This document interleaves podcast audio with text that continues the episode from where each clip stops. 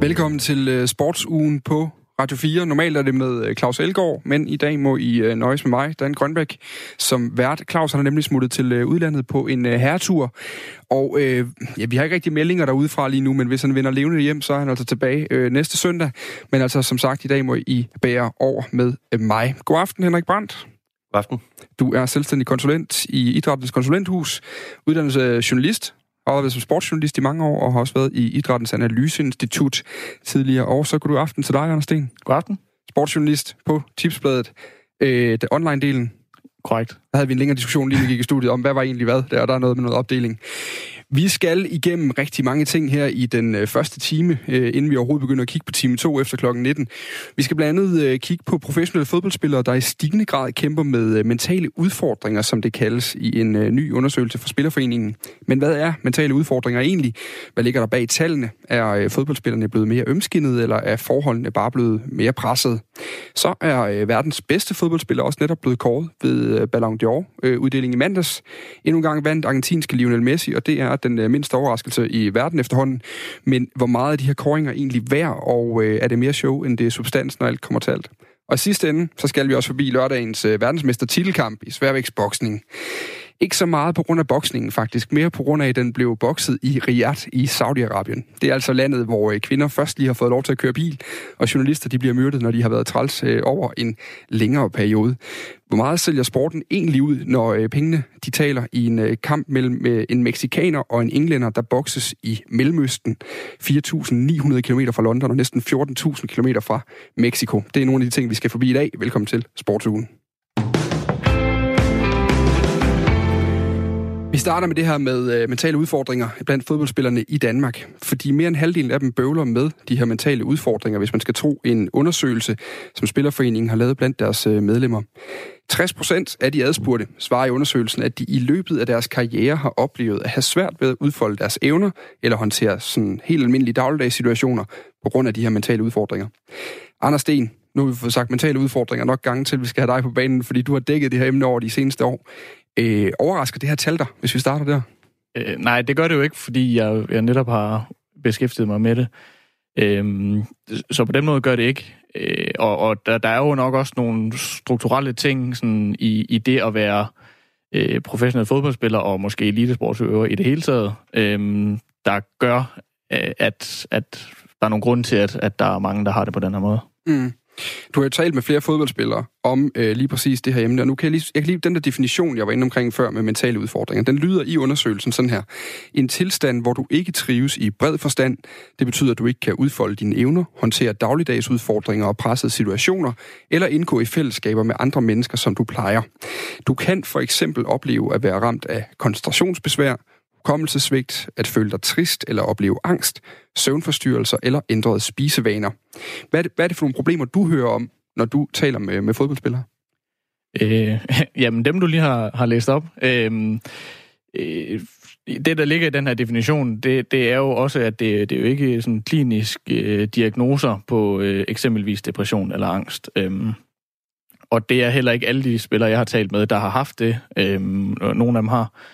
Øhm, men men det, det er, øh, hvad man sige, det der er afgørende øh, for, at, at det er et problem, det er jo, at øh, de her ting, som, som du også nævner, det er jo noget, der går ud over deres evne til at passe deres arbejde.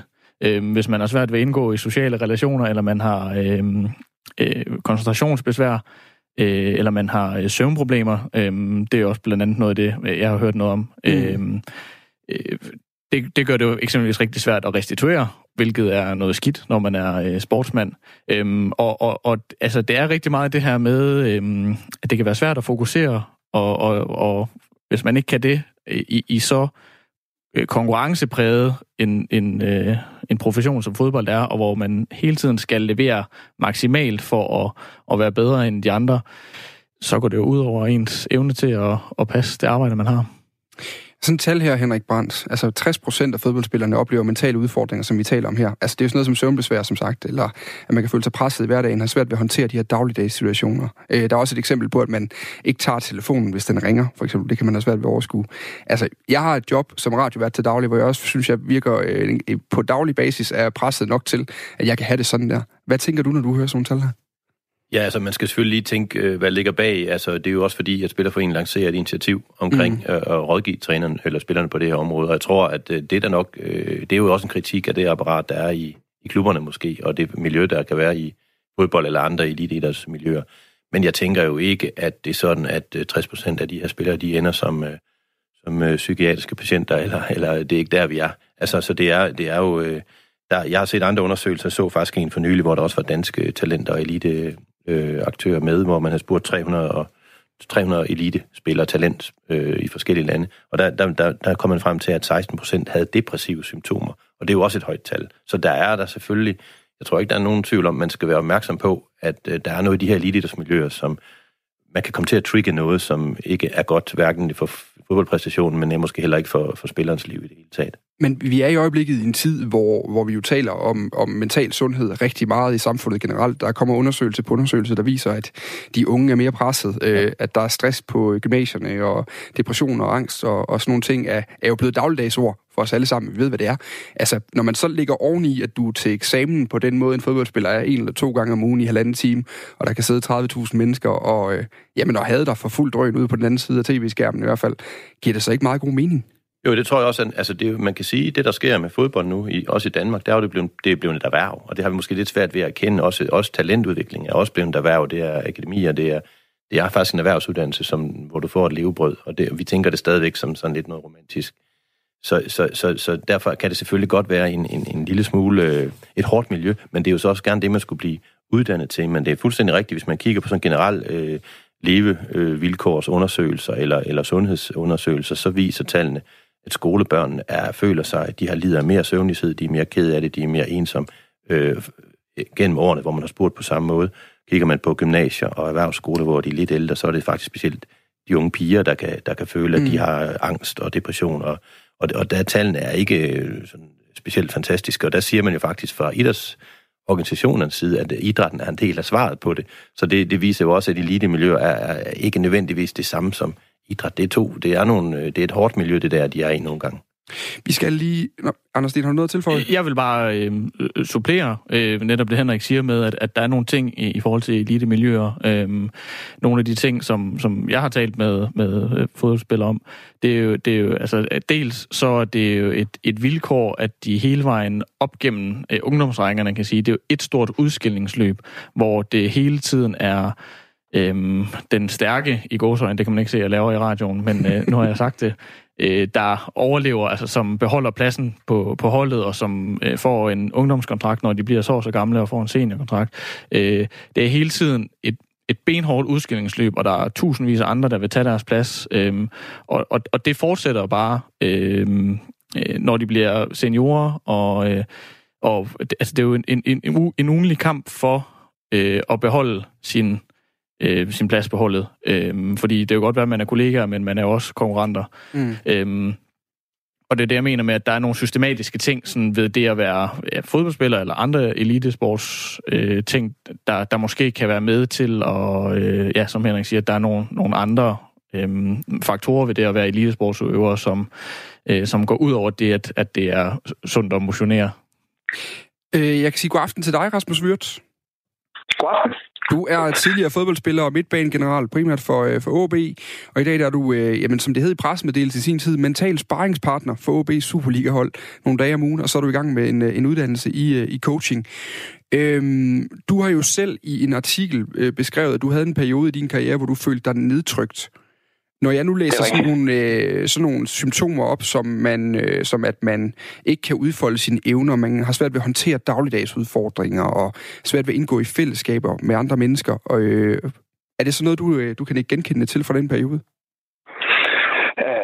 Ja, det synes jeg. Altså i hvert fald det der med at kunne, kunne indgå i fællesskaber, som jeg egentlig gerne ville indgå i dem, uh, det kan jeg helt klart ikke genkende til. Uh, jeg havde i den periode der øh, ikke ret meget lyst til sådan at, at minge mig for meget med folk, og jeg trak mig vel egentlig nok også mere og mere fra holdkammeraterne, og øh, det var sgu nok heller ikke så ofte, jeg lige fik ringe hjem, så jeg, jeg på en eller anden måde, så isolerede jeg mig nok en lille smule øh, lige i den periode, så i hvert fald det, det kan jeg godt øh, ikke genkende til. Du har jo, øh, som sagt, det er dig selv, der har sagt det her med at være nedtrykt i et interview, og øh, så vidt jeg kunne læse mig frem til, så starter det hele med en øh, relativt simpel tværaflevering i en kamp for FC København i, i sommeren 2007, hvor, øh, hvor I spiller Champions League-kvalifikationskamp mod, øh, mod Benfica. Så kommer den her aflevering, og hvad er det, der sker så? Jamen, øh, jeg rammer den jo ikke helt. jeg tror, jeg vil have sendt den helt udsat til, øh, til vores øh, venstre ving, som jeg kan huske, hvem, spillede derude. Men øh, den bliver i hvert fald opsnappet ind på midten, og så ved jeg ikke, om det er personen, der opsnapper. Men Rui Costa, han ender i hvert fald med at, at score ned i den anden ende på, på et meget godt langskudsmål. Øhm, og det, øh, den, den sad selvfølgelig i mig. Øh, og jeg fik også velfortjent kritik for den bagefter, men, øh, men, men den sad mere i mig, end den egentlig burde. Øh, for, det, for det var langt og ja, som jeg husker det, jamen, så var der jo mange kampe og mange træninger, som, øh, som var meget påvirket af, af den her ene fejl. Øh, om, om der var kommet lidt alligevel, fordi det var jo lidt en anden verden, jeg var kommet over til, og det var jeg måske ikke helt forberedt nok på, øh, inden jeg kom derover øh, i forhold til øh, den her mediedækning og den opmærksomhed, der var. Øh, Nej, så, øh, havde du lavet dig påvirke af det, hvis det var i OB, det var sket, tror du? Måske nok ikke helt på samme måde. Altså, der var man jo lidt mere trygge rammer, men der er selvfølgelig også opmærksomhed, og der er også et pres, og hele byen følger ligesom med. Øh, modsat København måske, hvor, hvor FCK er en lille del af en, af en kæmpe stor by. Øh, så, øh, så, så ved jeg, jeg tror ikke, jeg ville øh, have været lige så påvirket i OB. Det tror jeg ikke, fordi der øh, nu skal man også passe på, man ikke øh, passe på, hvad man siger, men der er måske blevet taget lidt mere hånd om det på en anden måde, og man var ligesom gået lidt sammen, og der havde man spillet sammen i mange år, du ved, og så kunne man ligesom hjælpe hinanden på den måde. Der, der følte jeg måske lidt mere, der var man lidt mere sin, sin egen, øh, dengang jeg kom derover. Mm. Du går jo så, du har jo et par år i, i FCK der, øh, hvor øh, så vidt jeg lige ser på Wikipedia, så er det sådan noget omkring 18 kampe, du får spillet, så bliver du udlejet til Vejle, og så vender du tilbage til, til OB igen. Men, men, men den her periode her, fordi normalt vil jeg jo sige, du har spillet mange hundrede kampe i Superligaen, øh, og har lavet mange aktioner, der også er gået galt undervejs. Hvorfor, mm. hvorfor var det lige det her, det endte med at, at sætte gang i en nedtur? Jamen, jeg tror, der var, der var stor pres på i forvejen, da det skete. Øh, altså, jeg kom jo fra OB og skulle, øh, skulle bo et nyt sted, skulle finde et nyt sted at bo. Øh, jeg, havde, jeg havde lige mødt min, øh, som så viste sig var min kommende kone, en ny kæreste. Øh, så der var rigtig mange nye ting, der sådan skete, også øh, uden for fodboldbanen. Så jeg tror bare, der var, der var rigtig meget tryk på, og der skete rigtig mange ting. Og da vi så sådan stille og roligt kom hen i foråret, jamen, der tror jeg faktisk lige så stille, jeg begyndte at brænde en lille smule ud i det. Øh, og da jeg så laver den fejl her, det var sådan set forholdsvis tidligt. Jeg kan ikke huske, øh, om det var september måned, eller hvad det var. Øhm, øh, men, øh, men det var ligesom det, der, der ligesom væltede læsset, kan man sige der. Øh, og det, det, det kom jeg mig sgu aldrig rigtig over i det efterår der. Og det, det blev bare sådan en, kamp for ligesom at øh, komme igennem træningerne og, og komme igennem kampen. Og, og øh, et eller andet sted var det jo egentlig lidt, lidt vildt, fordi jeg var jo et sted, hvor jeg egentlig gerne ville være på det tidspunkt, og havde fået en rigtig fin kontrakt, var stadig med ind omkring landsholdet og så videre, så, så det var egentlig sådan lidt, lidt pudsigt, at der, ja, hvad skal man sige, ikke skulle mere til end det, for, for ligesom at vælte det, men, øh, men øh, det, det gjorde det på det tidspunkt. Vi talte om her i studiet lige før, hvornår en, øh, en mental udfordring, som man definerer det i, øh, i, i den her undersøgelse for Spillerforeningen, bliver til en, hvad kan man sige, en mental diagnose, eller i hvert fald en, en lidelse, som påvirker en, øh, en hårdt. Hvor lå du på den, øh, den skala, hvis du selv skal, skal, skal sige det? Hvad, hvad tænkte du om, om den grænse, der er mellem de to ting? Øh, jamen, jeg lå da nok tæt på, på det, hvor man kan sige, at det måske var en, en mental lidelse på det tidspunkt. Øh, jeg kunne da godt have tænkt, at jeg havde været lidt skarpere og ligesom havde taget kontakt til en, jeg ligesom kunne snakke med, ud over dem, der var tæt på mig, men sådan rent professionelt kunne have givet mig nogle, nogle værktøjer, øh, et eller andet, øh, have et lidt mere professionelt syn på det, som, som jeg ligesom kunne, øh, kunne, kunne have sparet lidt med i den periode der. Så, så det, det, det, det tror jeg, det skulle, have, det skulle have foregået, hvis det var, at jeg skulle have haft nogle chancer for at, at have vendt den der ned og gå en kurs, som jeg havde det efterår der. Mm. Det, det her det er jo det interessante, er, det man skal vi høre fra Emiliano Marcondes, som er en, uh, som er en ung fodboldspiller stadigvæk, som, havde, som har haft mentaltræner på, siden han var, var helt ung. Du er jo, uh, mm. du er jo typen, der, uh, jeg vil lige sige, du, du både spillede og døde i dine Copa Mundial-støvler, de her gamle klassiske sorte, og, og, og derudover så også kommer lidt fra en anden skole, sådan rent fodboldmæssigt. Det har det været i 2007. Hvad var der ja. af muligheder for, for hjælp på sådan et tidspunkt? Jamen, at der var jo sikkert nogen, men altså, det var jo ikke sådan, at klubberne, de, øh, det, det var kommet ret meget øh, på mod, at man skulle have mentaltræner og sportspsykologer psykologer indover. Vi havde faktisk fået en øh, allerede inden jeg kom væk fra OB, Martin Langergaard, som, som sjovt nok nu er i FCK. Øhm, så, så det var jo sådan begyndt at komme lidt frem, men det var ikke en, jeg havde brugt ret meget. Jeg snakkede ikke ret meget med Martin på det tidspunkt, da han var i OB og, og havde måske nok også den indstilling, at det havde, jeg ikke, øh, det havde jeg ikke behov for. Og jeg tror også, mange tænkte sådan, og det gjorde jeg sgu nok også selv på det tidspunkt, at, øh, at det var, hvis man ikke var stærk nok selv, at man havde behov for, for, en, øh, for en mental træner. Så, så det, der var jo også sådan lidt den der, den der macho-kultur over det. det ej, det, det, det, det havde jeg ikke behov for, det kunne jeg godt klare selv. Øhm, så jeg, jeg, jeg tror helt sikkert, at der var nogle muligheder, hvis man opsøgte det. Øh, men, øh, men det var ikke nogen, noget, der vi brugte ret meget. Jeg tror faktisk, at en af min, min tidligere holdkammerater i FCK var en af de første til sådan rigtigt at komme frem med, at han, han benyttede sig af det her. Det var William, mm. William Quist. Ja, ja, ja, fordi det er jo, William har jo været, i den grad været bannerfører, eller William Quist har i den grad været bannerfører for, mm. for den her mentaltræner-tradition. Øh, vidste man ikke, de eksisterede, eller brugte man dem bare ikke dengang? Og jeg tror, jeg tror godt, vi vidste det. Jeg tror faktisk også, jeg havde tanken på et tidspunkt, og øh, min kæreste på det tidspunkt nævnte det også for mig, øh, at det kunne være en idé. Og måske du, prøve du har også en kæreste, der, der spørger, om du ikke skal finde noget hjælp, måske? Ja, ja det, det havde jeg, men, øh, men det fik jeg ikke gjort, og det set i bagklogskabens lys, så var det jo også dumt, at jeg ikke lyttede til hende dengang. Anders Sten, du sidder og øh, nikker nogle gange, mens Rasmus Wirtz fortæller dig, at du har interviewet øh, mange, mange fodboldspillere som, som om, om, om det samme emne her. Hvor, meget, øh, hvor mange klokker ringer undervejs? Ja, jamen, der er øh, fuld blade.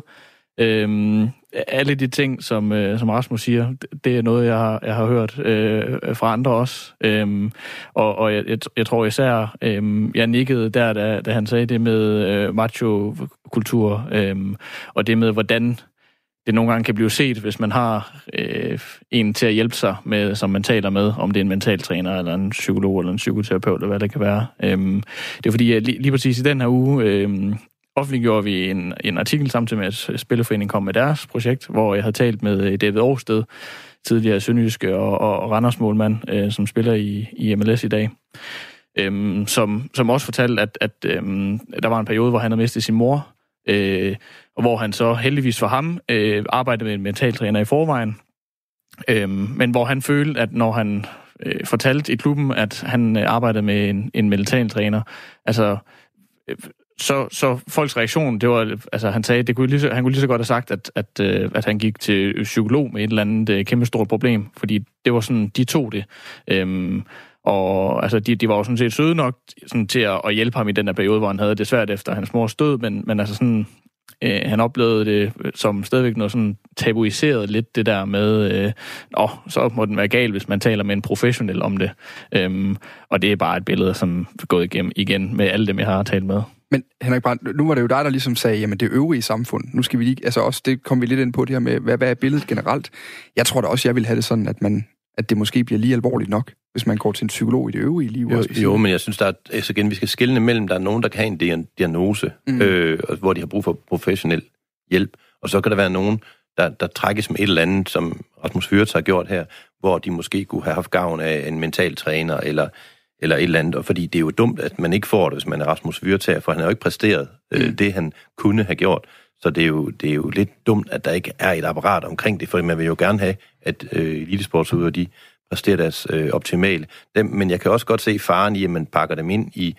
Øh, man kan jo ikke afskærme folk for alle livets, øh, hvad skal man sige, tilskikkelser, og det, det skal man jo også kunne håndtere. Og det, øh, så, så, fordi en dag så stopper karrieren jo, og så, hvad sker der så? Står man så foran øh, et sort hul, eller hvad gør man? Så der, der er jo nogle ting, man skal prøve at arbejde med, øh, både undervejs og bagefter, og man skal måske passe på, at man ikke kun har den identitet, der hedder, at jeg er fodboldspiller, og kommer til at lave en, en lidt dum tværaflevering, fordi det er jo set før. Rasmus Wirtz, kunne, øh, nu, nu i dag der er du jo selv i gang med en coachuddannelse og, øh, og hjælper mm. til med det mentale i, i OB, som jeg fortalte det tidligere også. Øh, hvad var det, når du nu sidder og hører, hvad vi snakker om her nu? Øh, Henrik, har, Henrik Brandt har jo en god pointe omkring, at der er jo forskel på en diagnose, og på, at man skal have en mentaltræner, der lige kan hjælpe en med at komme helt på hesten igen, og, og slå den der mm. tværaflevering skarp næste gang. Hvad, hvad, mm. øh, hvad, hvad har du brug for nu, og hvordan arbejder du med de spillere, du arbejder med nu, i forhold til måske også skulle sige til dem, jamen, men måske er det ikke mig som coach, du har brug for, måske har du faktisk brug for hjælp? Ja, ja, det er jo selvfølgelig vigtigt at finde en balance der. Altså, det jeg sådan fokuserer allermest på, når jeg snakker med spillerne, det er jo øh, selve præstationen. Altså, hvordan, hvordan får vi gjort den så god som overhovedet muligt.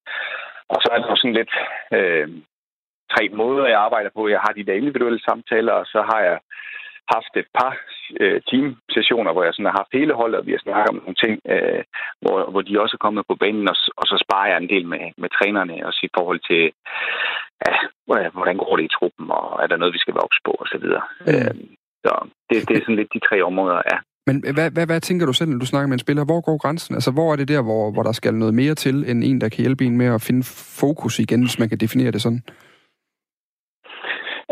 Jamen, det er klart, hvis, hvis der hvis, som vi har været inde på, at hvis det er noget, som, som, som ligger noget dybere end det, øh, lad os sige, der kommer en øh, og siger, at jeg, jeg, jeg har spiseforstyrrelser, øh, jamen, så, er det sgu, så er det nok ikke lige mig, der, der er ekspert i det, og, og ved, hvordan, hvordan håndterer vi lige det. Mm. Ikke nu i hvert fald. Det kan være, at det kommer på stik. Men øh, jeg vil altid gerne snakke om det, og jeg vil altid gerne øh, forsøge at hjælpe på bedst mulig måde, men, men øh, øh, på et eller andet tidspunkt, så, så er der måske også grænse for, hvad, hvad, jeg, hvad jeg kan hjælpe med, øh, hvad det angår. Men, øh, men om ikke andet, så kan jeg måske hjælpe personen videre, hvis, øh, hvis det kommer dertil. Henrik Brandt? Jamen, jeg, jeg, jeg er også selv, ikke, ikke på eliteplan på noget, men jeg arbejder lidt med fodbold, øh, altså ungdomstræning og så videre, og, og, og komme ind i fodboldmiljøet, og jeg kan godt se, at der er i fodbold øh, nogle meget sådan hårde magtstrukturer. Altså, Øh, jeg spiller på første hold, ergo er jeg bedre end en, der spiller på anden hold. Jeg træner på første hold, ergo er jeg klogere end ham på andet hold. Og, og der er sådan nogle kulturer der, så jeg kan også godt se, at det kan være svært for en ung spiller, der gerne vil etablere sig måske at komme til træneren og sige, jeg har et problem. Er træneren med en eller mod en? Mm. Og der tror jeg, at hvis man er klog i de her klubber, og det er man, jeg tror, man er det i stigende grad, så har man faktisk en eller anden form for ventil, hvor man kan komme hen, og en, der kan, kan holde øje med, hvad foregår der, altså med, med en slags mental ansvarlig person, der måske også kan være spillerens ambassadør lidt i forhold til det sportslige apparat i klubben. Mm.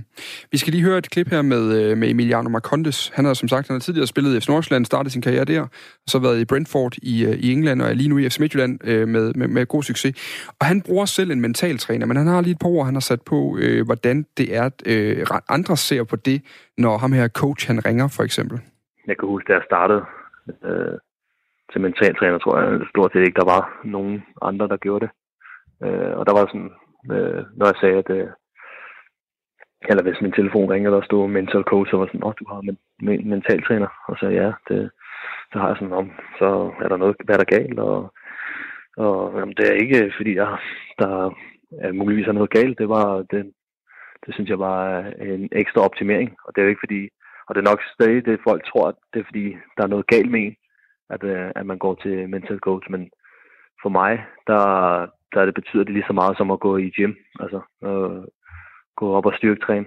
Så, så træner jeg bare min hjerne i stedet for med mental træner. Og hvis man skal kunne høre forskel på øh, Rasmus Wirtz, der startede sin karriere for mange år siden, så Emiliano Marcondes, der har gjort det for knap så mange år siden, så er det, han går ikke i styrketræning, som han går i gym, som man lige fik det med her.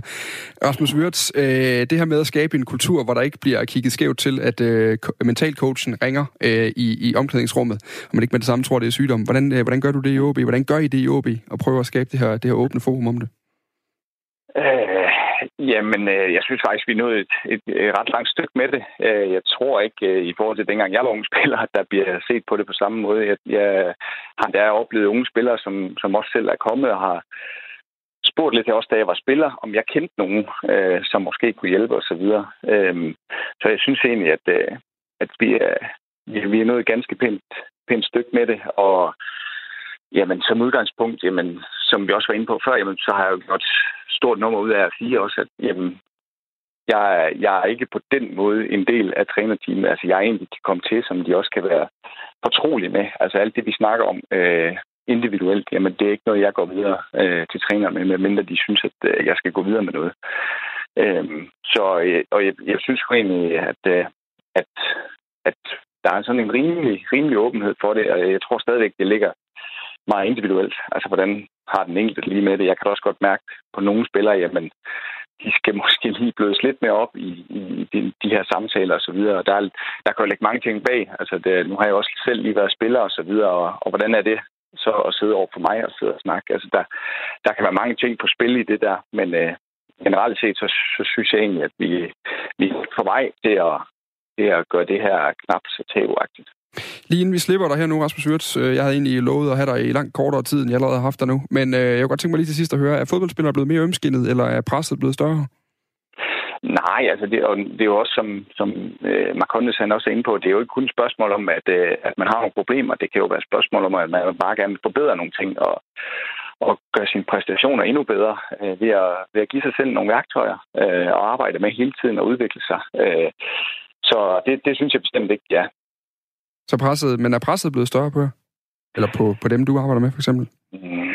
Du har jo oplevet det hen over en, en længere årrække at være, være, være ja, professionel. Jeg ved, jeg ved ikke, om presset er blevet større, men der er i hvert fald øh, kommet noget større fokus, og man kan sige, øh, alle de sociale medier osv., de, de gør jo også, at alle kan komme med en mening om folk, øh, og nu er vi jo i offentlighedens søgelys, når man er fodboldspiller, eller Superliga-spiller, eller, eller hvad det er. Øh, og det gør selvfølgelig, at, øh, at der kan man nogle gange læse nogle flere ting om sig selv, som, som måske ikke altid er lige sjov, og øh, ting, som man i realitet ikke kan bruge til andet, end at, øh, øh, at det kan påvirke en. Øh, så, ja, så på den måde, så er der jo så er der kommet en større bevågenhed. Tak fordi du kunne være med her, Rasmus Wirtz. Ja. Og slet. Og god kamp i morgen. Tak. Hej, hej. Hej. Øh, Henrik Brandt og øh, Anders Sten her i studiet. Jeg kunne godt tænke mig lige øh, det sidste spørgsmål, jeg stiller Rasmus her. Altså, om, er, er der noget, der har ændret sig i forhold til fodboldspillernes, jeg kan sige, de strukturer, der omgiver dem, eller spillerne selv? Øh, hvad tænker du der, Anders Sten? Altså, er, er, er vi, ser vi også en generation, der ligesom alle andre unge i vores land, er blevet lidt mere ømskinnet måske, eller mere sårbare? Jeg tror i hvert fald, man er blevet mere opmærksom på, hvordan man har det. Øhm, det er, øh, det er også det, Spillerforeningen siger, øh, når jeg taler med dem. Øh, det er ikke nødvendigvis... Øh, det, er jo, det er jo svært at sige, fordi de har jo ikke altid haft de tal, de har nu, så det er jo svært at sige, om problemet er blevet større, men det er i hvert fald øh, et emne, man er blevet mere opmærksom på, og, og, og altså, det gælder måske også samfundet som, som helhed, og, og, og de fodboldspillere, som jeg har talt med, og som Spillerforeningen har talt med, at det er, det er bare blevet et, et fokuspunkt på, på en anden måde. Men kan man ikke tale om, at, at som vi også var lidt inde på tidligere, at, at hvis man, vi går alle sammen og bøvler med et eller andet, og det er der helt sikkert kommet større opmærksomhed på i de her år. Hvis man så oven i købet er til eksamen, altså at der er så mange mennesker, der kigger, der er så store forventninger, der er så mange penge på spil, når du for eksempel som Rasmus Wirtz skal spille en øh, Champions League-kvalkamp og lave en dårlig aflevering, der fører til en, til en scoring imod dig. Øhm, er det så ikke også bare at fremprovokere mentale udfordringer, eller er det der er værre, Henrik Brandt? Jo, altså det, der er i hvert fald, altså det pres også, øh, økonomien spiller selvfølgelig en rolle. Der er flere, der har det som en levevej. Mm. Man har det tidligere. Og jeg tror, det betyder måske noget. Altså, de, de vi er helt nede i 12, 13, 14, så begynder det at blive alvorligt, det her. Og de begynder at komme ind i sådan en halv professionelt setup og så videre. Så de, de bliver nok også ret mere, altså de, de er under et pres længere tid. Og det tror jeg godt kan, kan have en, en indflydelse. Og derfor er man også nødt til at tænke på de der øh, miljøer, der er omkring dem. Og jeg synes, øh, man skal skælne lidt, fordi selvfølgelig er fodboldspillere under pres, men de har jo også mange et stort apparat omkring sig. Der er masser af andre eliteudøvere. Vi har en historie, der har kørt omkring øh, elitesvømning, øh, som ikke er færdig endnu, kan man sige. Men, men, men jeg synes, man skal skelne mellem, at er det miljøet, der decideret skaber nogle af de her psykiske udfordringer, som vi har set i svømning, hvor der, hvis man øh, træneren skal stå og kigge, og alle de andre skal stå og kigge, hvor meget man vejer, og som det var i svømning. Det er, det er ikke særlig smart, og det ved man også godt. Men, men selvfølgelig er, har man et job her i fodbold, hvor man er under pres. Det har man også, hvis man er flyveleder, eller lokomotivfører, eller øh, faldgræder eller soldat, eller hvad ved jeg. Så det, det, det, må, det, må, det må være noget, man kan bygge et apparat op, og der må, være, der må være nogle erfaringer, man kan bygge på. Og der er jo også flere og flere idrætspsykologer og mentaltræner osv. Jeg tror faktisk lige præcis det med, det med pres, altså hvis man skal nævne en ting, som, som ligesom er, er med, ligesom øh, du sagde før, Dan, det med, at, at altså, hvis der skal være noget, der skal være en udløsende faktor, så, så tror jeg, at, at pres, hvis man kan komme den under en øh, hat, mm. er, og kun skal nævne én ting, fordi det er bare mange steder fra. Altså, det er, øhm, det er fra, fra fans, når man er på stadion. Øhm, det er øh, pres for at holde sin plads på holdet. Øhm, det er øh, medier. Øhm, det er øh, ambitioner egne, altså ambitionen er det pres, man ligger på sig selv. Øhm, og som, øh, som Rasmus Syrts også var inde på lige før, øhm, det pres, det går jo ikke væk, når man kommer hjem. Øhm, jeg, jeg talte med en fodboldspiller tidligere i efteråret, øhm, hvis historie jeg ikke har skrevet, fordi det ville han ikke have.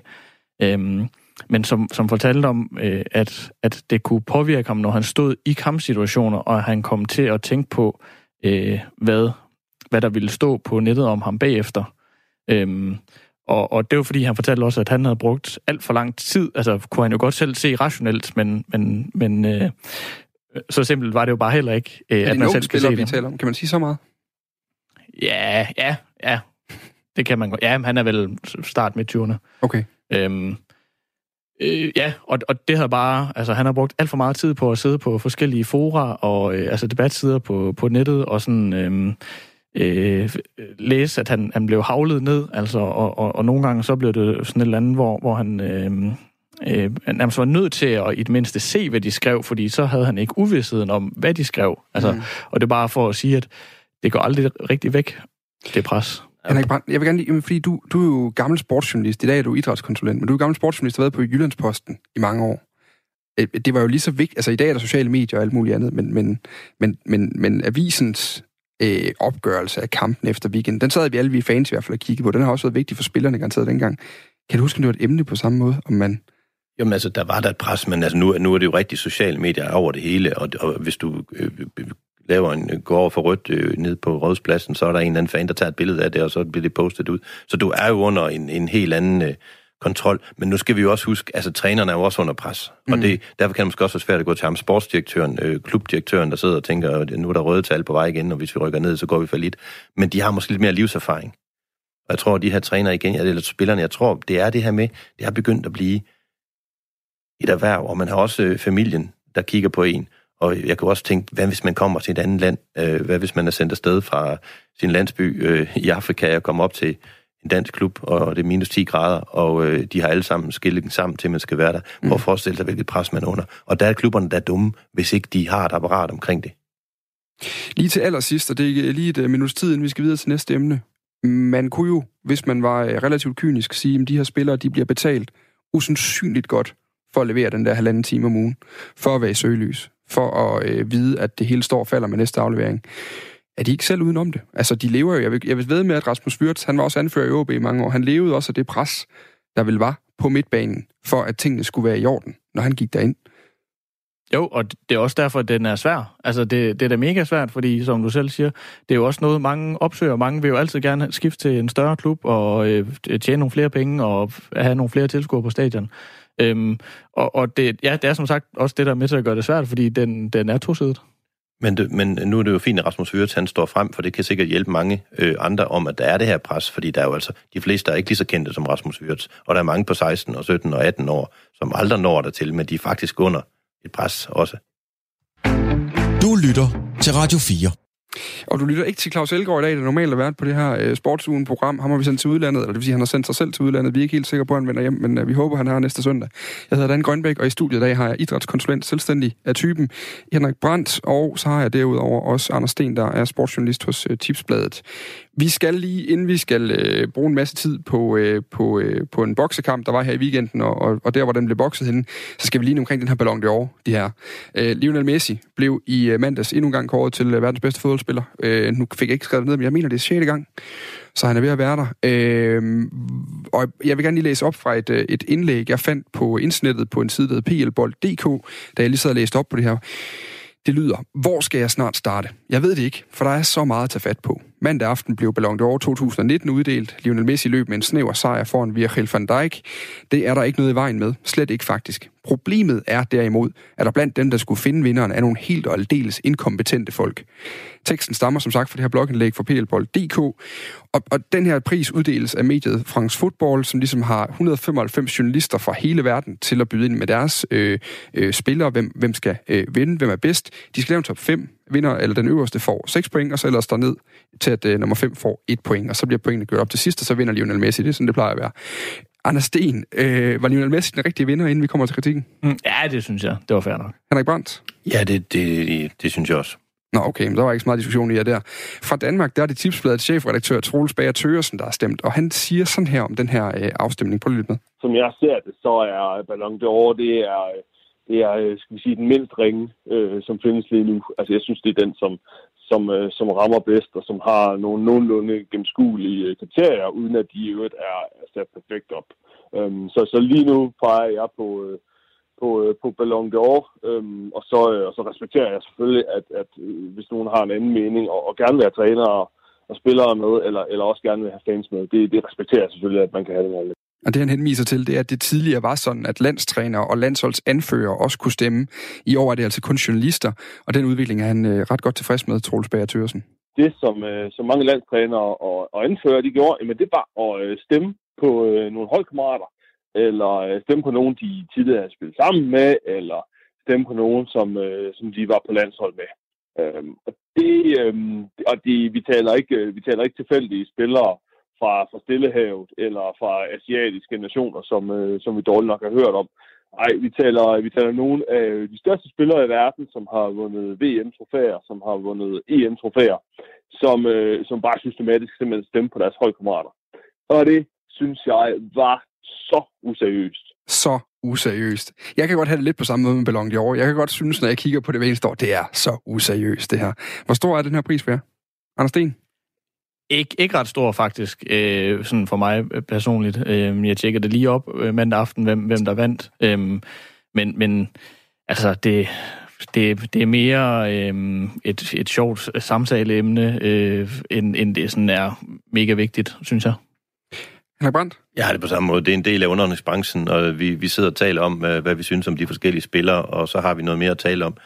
Øh, når det så er sagt, så øh, er det jo ikke tilfældigt, at det bliver Messi seks gange. Altså, det er jo, ham og Ronaldo har været sådan en, domineret i 10 år, og det er jo egentlig ret utroligt, og det har man ikke set før på samme måde, tror jeg. Det er utroligt, at han kan være så god, men man skal så sige, at det er nok også sværere, nu er det Van Dijk, der på tur, men det er nok sværere for en forsvarsspiller, mm. øh, fordi man kigger lidt efter det spektakulære, ikke? Ja, det var Fabio Cannavaro sidste gang ja. italiener, i forbindelse med et VM, vidt jeg husker. 2006. Lige præcis. Nå, men det vi lige skal hurtigt skal ind og vende, inden vi skal videre, det er nemlig øh, noget af det, det her indlæg kritiserer mm. til at starte med, øh, og det er jo, at øh, der er nogle af de her journalister, fra øh, mindre fodboldlande, kan man også godt sige, som stemmer relativt skægt. Hvis vi nu tager et eksempel, han hedder øh, Pasang Norbu, han er fra Bhutan. Han har øh, prioriteret rækkefølge fra 1 til 5, der lyder Sadio Mane, Virgil van Dijk, Mohamed Salah, Alisson og Roberto Firmino. Kan I finde et mønster der? Aner svagt et, et Liverpool-fan øh, måske. Det er nemlig fem Liverpool-spillere i mere eller mindre kastet ind i tilfældig rækkefølge, og så håber man på, at der er en af dem, der vinder.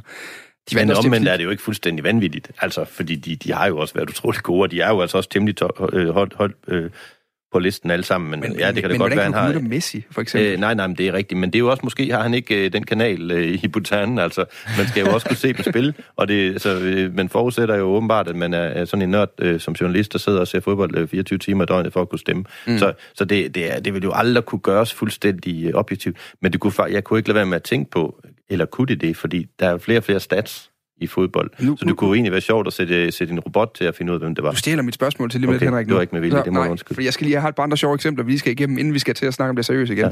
Der falder Musadin fra øh, de forenede arabiske emirater har stemt på i prioriteret rækkefølge Cristiano Ronaldo, Riyad Mahrez, Mohamed Salah, Kylian Mbappé og Robert Lewandowski.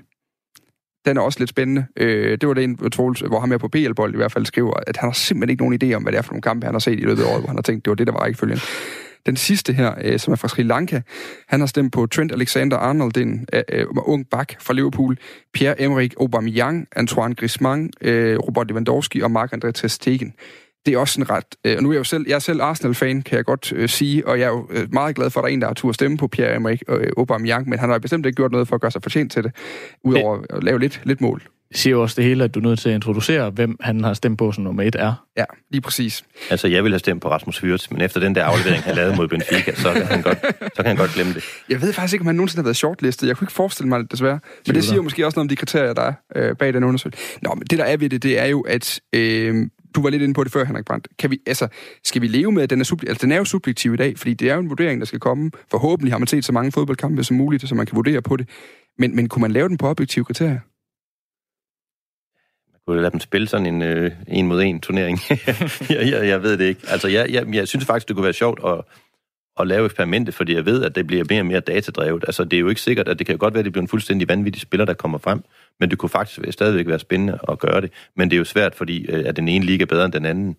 Det vil jo altid være, det vil jo Mm. altid være subjektivt. Altså, det eneste, du ved, det er, at nogle gange vinder det hold, også som vi alle sammen sidder og siger, det var ikke dem, der var bedst. De scorede øh, i det 99. 20. minut i forlænget spilletid. Vil det Det ved en tage, øh, tilfældighed, ikke? vil det tage magien fra det, Anders Sten?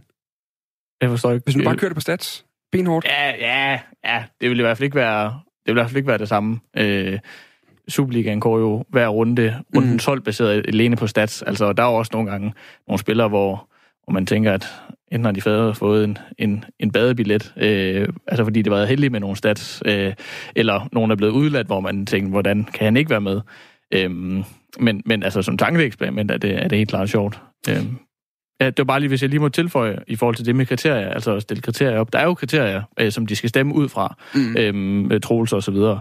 Øhm, men, men, men selv de kriterier, øh, der, der bestemmer man jo også i en eller anden retning, øh, hvilken, hvilken øh, vej det skal gå. Øh, fordi altså et af kriterierne er jo for eksempel hele spillerens karriere. Altså det er et af tre kriterier, hvor man skal tage hele spillerens karriere i betragtning. Mm. Altså, der har man jo allerede... Øhm, lad os sige, Trent Alexander-Arnold rent faktisk havde været en, en reel kandidat for det her år. Øhm, så er han da allerede øh, øh, bagud på point, fordi han er ung, og han ikke har spillet så mange rigtig gode sæsoner, som Lionel Messi har. Mm. Øhm, så allerede, allerede de kriterier, man, man opstiller, der, altså der øh, peger det jo i en bestemt retning. Ja, et af dem handler jo også om ageren uden for fodboldbanen, så Ja. vidt jeg kan huske. Og, Ja. og, og det, det kom jo meget i spil på, den, på kvindesiden af Ballon d'Or i år, hvor øh, Megan Rapinoe øh, vandt den amerikanske landsholdsanfører, fordi de vundet VM i sommer, men som jo også har været en, en ivrig samfundsdebattør i det forgangne år. Den, øh, ja, det passer meget, men vi kan mødes igen om et års tid. Hvis jeg kan få lov til at afløse øh, Claus Elgaard igen der, så kan vi jo garanteret så have samme diskussion med lidt andre øh, navne. Men jeg synes, det, jeg synes hvis lige med tage Messi, han er jo et fænomen. Altså, der, det er ikke mig selv, der har fundet på det her, men det er rigtigt. Hvis man nu tog, kunne man træne en fantastisk spiller frem, der var fantastisk på alle parametre, så ville man måske havne ved Ronaldo. Mm. Men, men hvordan kan man træne en Messi frem? Det kan man ikke. Altså, der er ingen, der aner, hvordan han gør. Og det gør han sikkert ikke engang selv. Hvis vi kunne, så sad vi i hvert fald ikke i det her Ja. radiostudie lige Ja. nu. Nej. Vi skal bevæge os videre. Vi skal til Saudi-Arabien, for vi skal lige nå det sidste kvarters tid op til, øh, der er, er nyheder her. Fordi lørdag aften, der boksede verdensmesteren i sværvægt i boksning, Andy Ruiz, en titelkamp mod Anthony Joshua, den tidligere verdensmester i sværvægt i verden. Kampen var en gentagelse, som sagt, af en titelkamp, hvor øh, Joshua tabte sit VM-bælte til Ruiz, og i går, der bandt han det tilbage.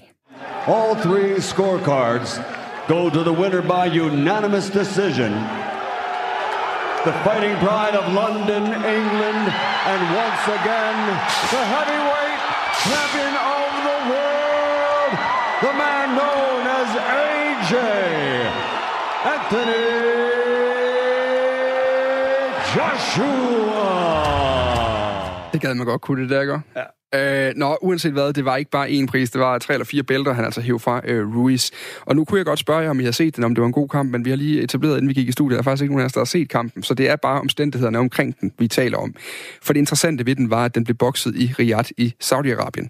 Ikke det, man traditionelt ville forbinde med et øh, boksemekka, men kampen her er altså bare den seneste i en række af rigtig store sportsbegivenheder, der er rykket fra deres ellers sædvanlige placering og så til Mellemøsten, der er ellers mest er kendt i vores del af verden for, for oliemilliarder og et øh, relativt anstrengt forhold til kvinde- og menneskerettigheder i det hele taget. Blandt andet så skal den italienske Supercup, som jo altså er kampen mellem Serie A-vinderen, den bedste liga i Italien, og sidste års vinder af pokalturneringen Coppa d'Italia, de skal for anden gang spilles i Saudi-Arabien om præcis to uger, og til januar skal den spanske slagsen også spilles i Riyadh. Derudover kan Rigs European Tour of Golf op motorsportens Formel E og den amerikanske wrestlingorganisation WWE, som altså også har været forbi Saudi-Arabien over de sidste år. Som udgangspunkt, så får jeg sådan en lille bitte smule mindre lyst til at tænde for mit fjernsyn på en sportsbegivenhed, når jeg ved, at det bliver holdt sådan et komplet uforståeligt sted. Som stor fodboldfan, der har jeg også min kværbabelser ved, at øh, det næste VM for eksempel øh, skal afholdes i Katar i december, fordi det er for varmt om sommeren. Hvordan har I det med det, Henrik Brandt og Anders Sten? Øh, på samme måde som dig. Øh, må, måske endda endnu, endnu længere ud af, af, af samme tangent. Øh, øh, jeg synes, det er vigtigt at, at sådan, sådan lige have det aspekt med. Altså, det, det, er jo ikke, det er jo ikke bare fordi, at det foregår øh, i Saudi-Arabien. Altså, det kunne jo i princippet godt have været øh, et eller andet land, hvor der var nogle øh, private øh, arrangører, der havde arrangeret det her, men, men øh, den, det her bokse, den her boksekamp og alle de andre øh, begivenheder, du taler om, øh, skal jo læses ind i øh, Saudi-Arabien som lands sådan, nationale sportsstrategi og, og, og, og en måde at, sådan, at forsøge at, øh, at, at brande sig selv på, på andet end øh, menneskerettighedsovertrædelser. Øh, og, og netop derfor er det jo værd at, at se på, hvem der jo så står i spidsen for den saudiarabiske regering. Mm. Henrik Brandt, hvad, hvad tænker du? Jamen, jeg tænker, at øh, hvem er det, der står bag her? Altså, er det privat, øh, en, en privat rigmand, eller er det, er det staten, der står bag? Altså, for nogle af de store øh, VM, som VM i fodbold, der har lige været VM i atletik i Katar også, der er det jo ligesom et statsforetagende, kan man godt sige. Der er det en del af en statsstrategi. Rusland, mm. øh, vinter-OL i Sochi, øh, Kina selvfølgelig. Men nogle gange kan det jo også bare være nogle øh, ekscentrikere, og der er så nogle idrætsgren boksning, har jo aldrig været kendt for professionel boksning. Jamen, det handler jo om at tjene penge. Og der er nogen, der vil betale, jamen, så siger de da ja tak. Øh, jeg sad lige og jeg skyndte mig lige at google det her. Den berømte Rumble in the Jungle. Ja, har I nogensinde hørt om det? Mm, det var ja, altså ja. i, i Kinshasa i Kongo i 1974. Og øh, Thriller in Manila var der også. Ja, altså, så, så, ja. Så, så, altså, det er vel ikke, vi skal også passe på, at vi ikke sidder og siger, at der må ikke foregå noget i andre lande, eller der må ikke komme nogle nye lande ind på banen. Det er sådan set, øh, idrætten er jo global. Men det der spørgsmål, det er, øh, på hvilke vilkår øh, sker det, og, og, og hvad, er, hvad er det bagvedliggende formål? Det synes jeg, der er, det er det, man skal kigge på. Jeg er simpelthen så glad for, at jeg kan sige god aften til dig, Martin Witt. Ja, god aften. Du er lektor på Institut for Mellemøststudier på Syddansk Universitet, og Henrik Brandt han stiller jo et øh, vanvittigt godt spørgsmål øh, til dels. Hvad ligger der bag, og hvem er bag? Hvad ligger der bag den her, øh, den her boksekamp i Saudi-Arabien?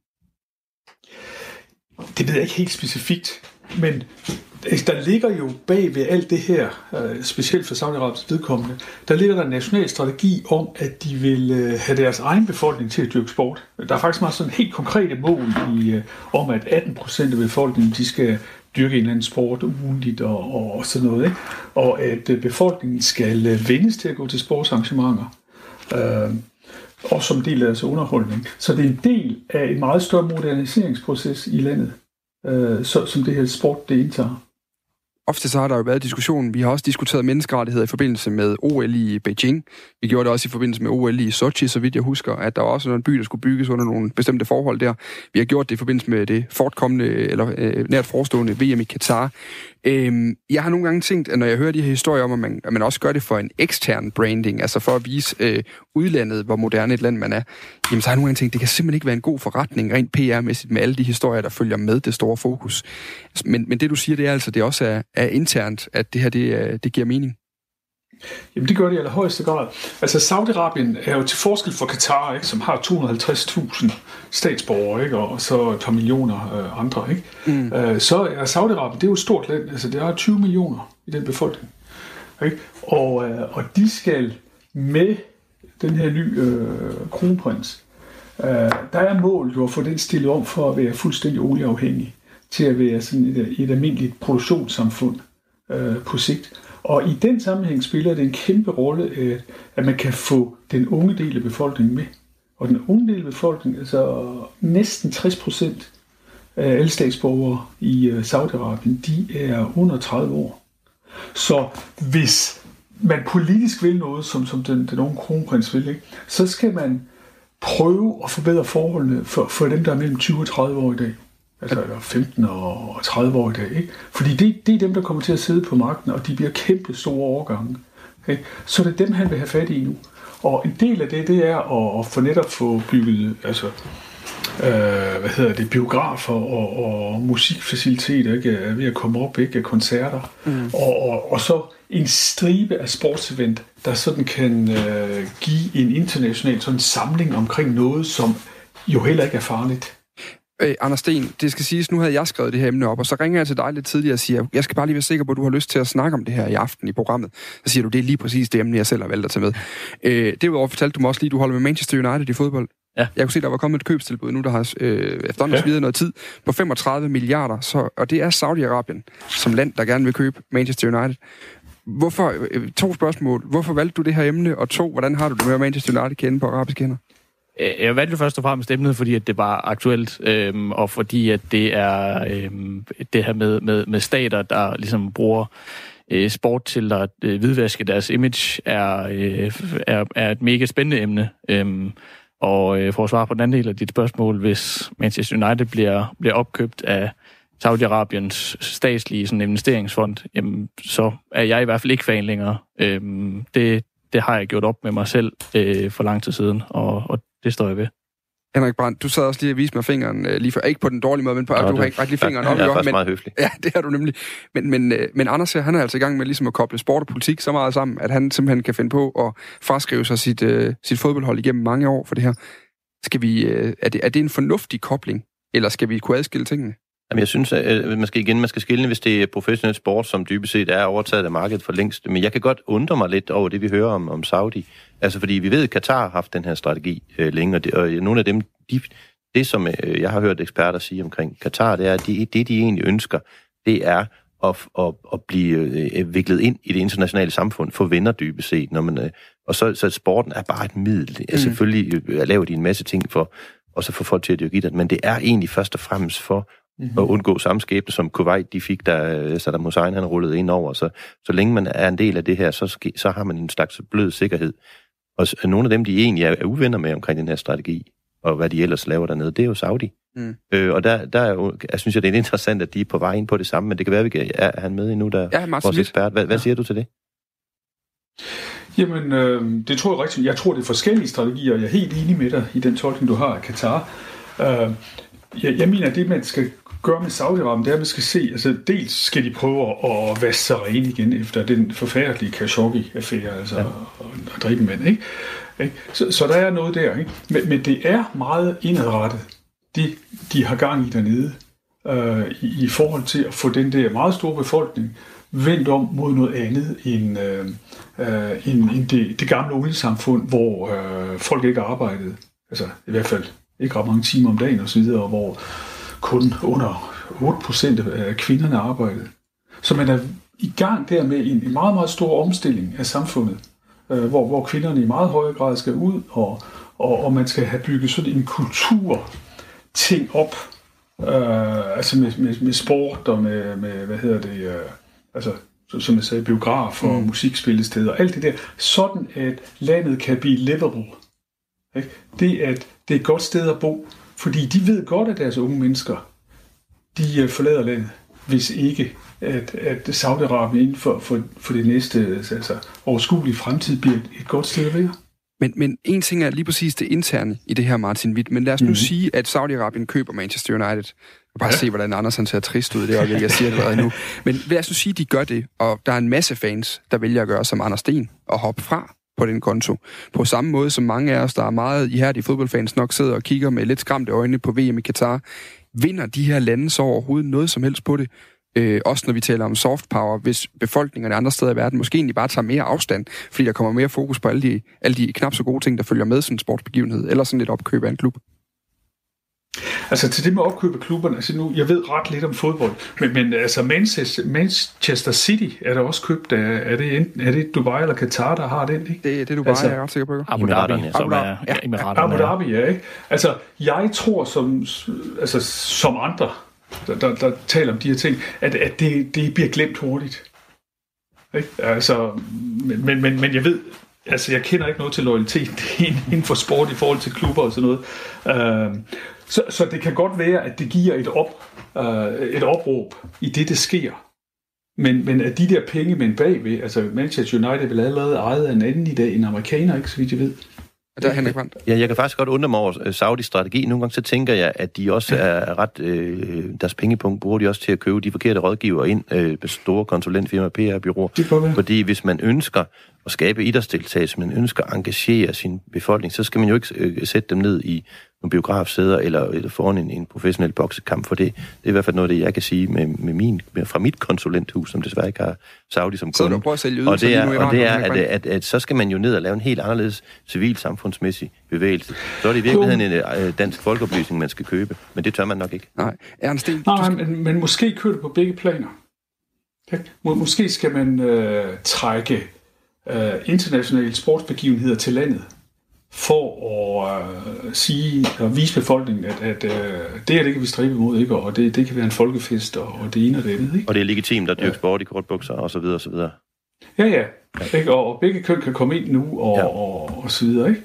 Anders Sten, du får lige lov til at, at, at, at runde af her nu, fordi der er ganske få sekunder til, at vi lige pludselig bliver afbrudt af en omgang uh, teamnyheder. Ja, det var bare lige for at lave den skældning mellem den amerikanske ejer, Manchester United har i dag, og så øh, Saudi-Arabien mm. eventuelt. Øh, de amerikanske ejere er, er dårlige, altså fodboldejere, men de er ikke øh, krigsforbrydere, og det er øh, ledelsen i Saudi-Arabien. Sådan. Martin Witt. Ja. lektor i Mellemøststudier fra uh, Syddansk Universitet. Tak fordi du kunne være med her. Selv tak. Og øh, så er der altså øh, nyheder øh, lige om ganske få sekunder. På den anden side, der skal vi blandt andet tale om øh, Karoline Wozniacki, og så skal vi også forbi et andre historier fra ugen, der er gået. Klokken den er 19.